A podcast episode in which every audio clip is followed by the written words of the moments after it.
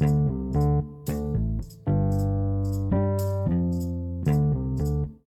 ke hari aku lalui begitu saja. Tidak ada rasa istimewanya. Ya hanya begitu saja. Satu bulan setengah aku bersama lelaki parubaya yang hidup berdua dengan cucunya itu. Setiap hari lelaki itu mengurusi segala kebutuhan cucunya. Mulai dari sarapan, makan siang, baju sekolahnya, semuanya kecuali tugas bahasa Inggris yang dibawa cucunya dari sekolah. Waduh, nang, nang. Mbahmu ini mana tahu bahasa-bahasa company macam itu, nang.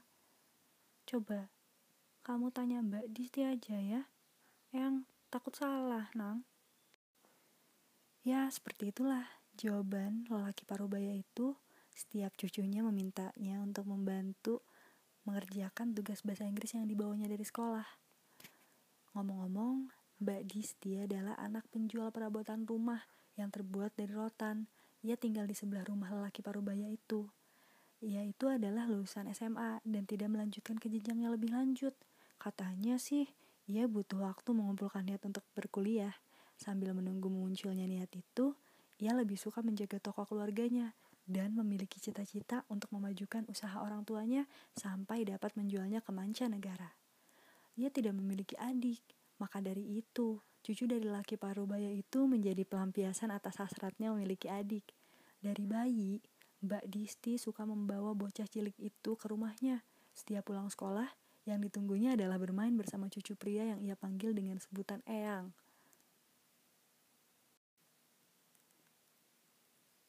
Anak kecil itu bernama Hanung, dan kini duduk di bangku kelas 4 SD.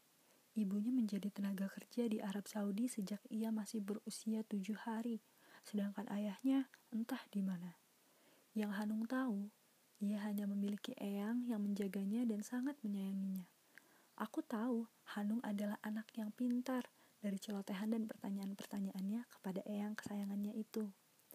Ia juga memiliki hati yang cemerlang, dermawan, tidak pernah sekalipun dari yang aku lihat, bocah itu tidak membawakan bekal untuk temannya yang keadaannya jauh lebih buruk darinya. Ia bernama Bisma. Bisma merupakan anak dari pasangan petani yang sakit-sakitan. Saat ia kelas 2 SD, ayahnya meninggal karena penyakit TBC. Setahun kemudian, ibunya menyusul kepergian ayahnya itu dengan penyakit yang sama. Kini, Bisma hidup bersama kakaknya yang masih kelas 6 SD. Hanung sangat menyayangi temannya itu. Ia juga meminta izin kepada kakeknya membuatkan bekal untuk Bisma setiap hari. Kesederhanaan hidup tidak menjadi penghambat untuk berbuat baik. Sangat terasa menenteramkan. Segala hal rasanya berjalan mengalir begitu saja. Seperti tidak ada masalah yang mampu merusak ketentraman keluarga ini. Selama aku berada di rumah ini, kehangatan sangat terasa. Bahagia sekali melihat hubungan seorang kakek dan cucunya itu.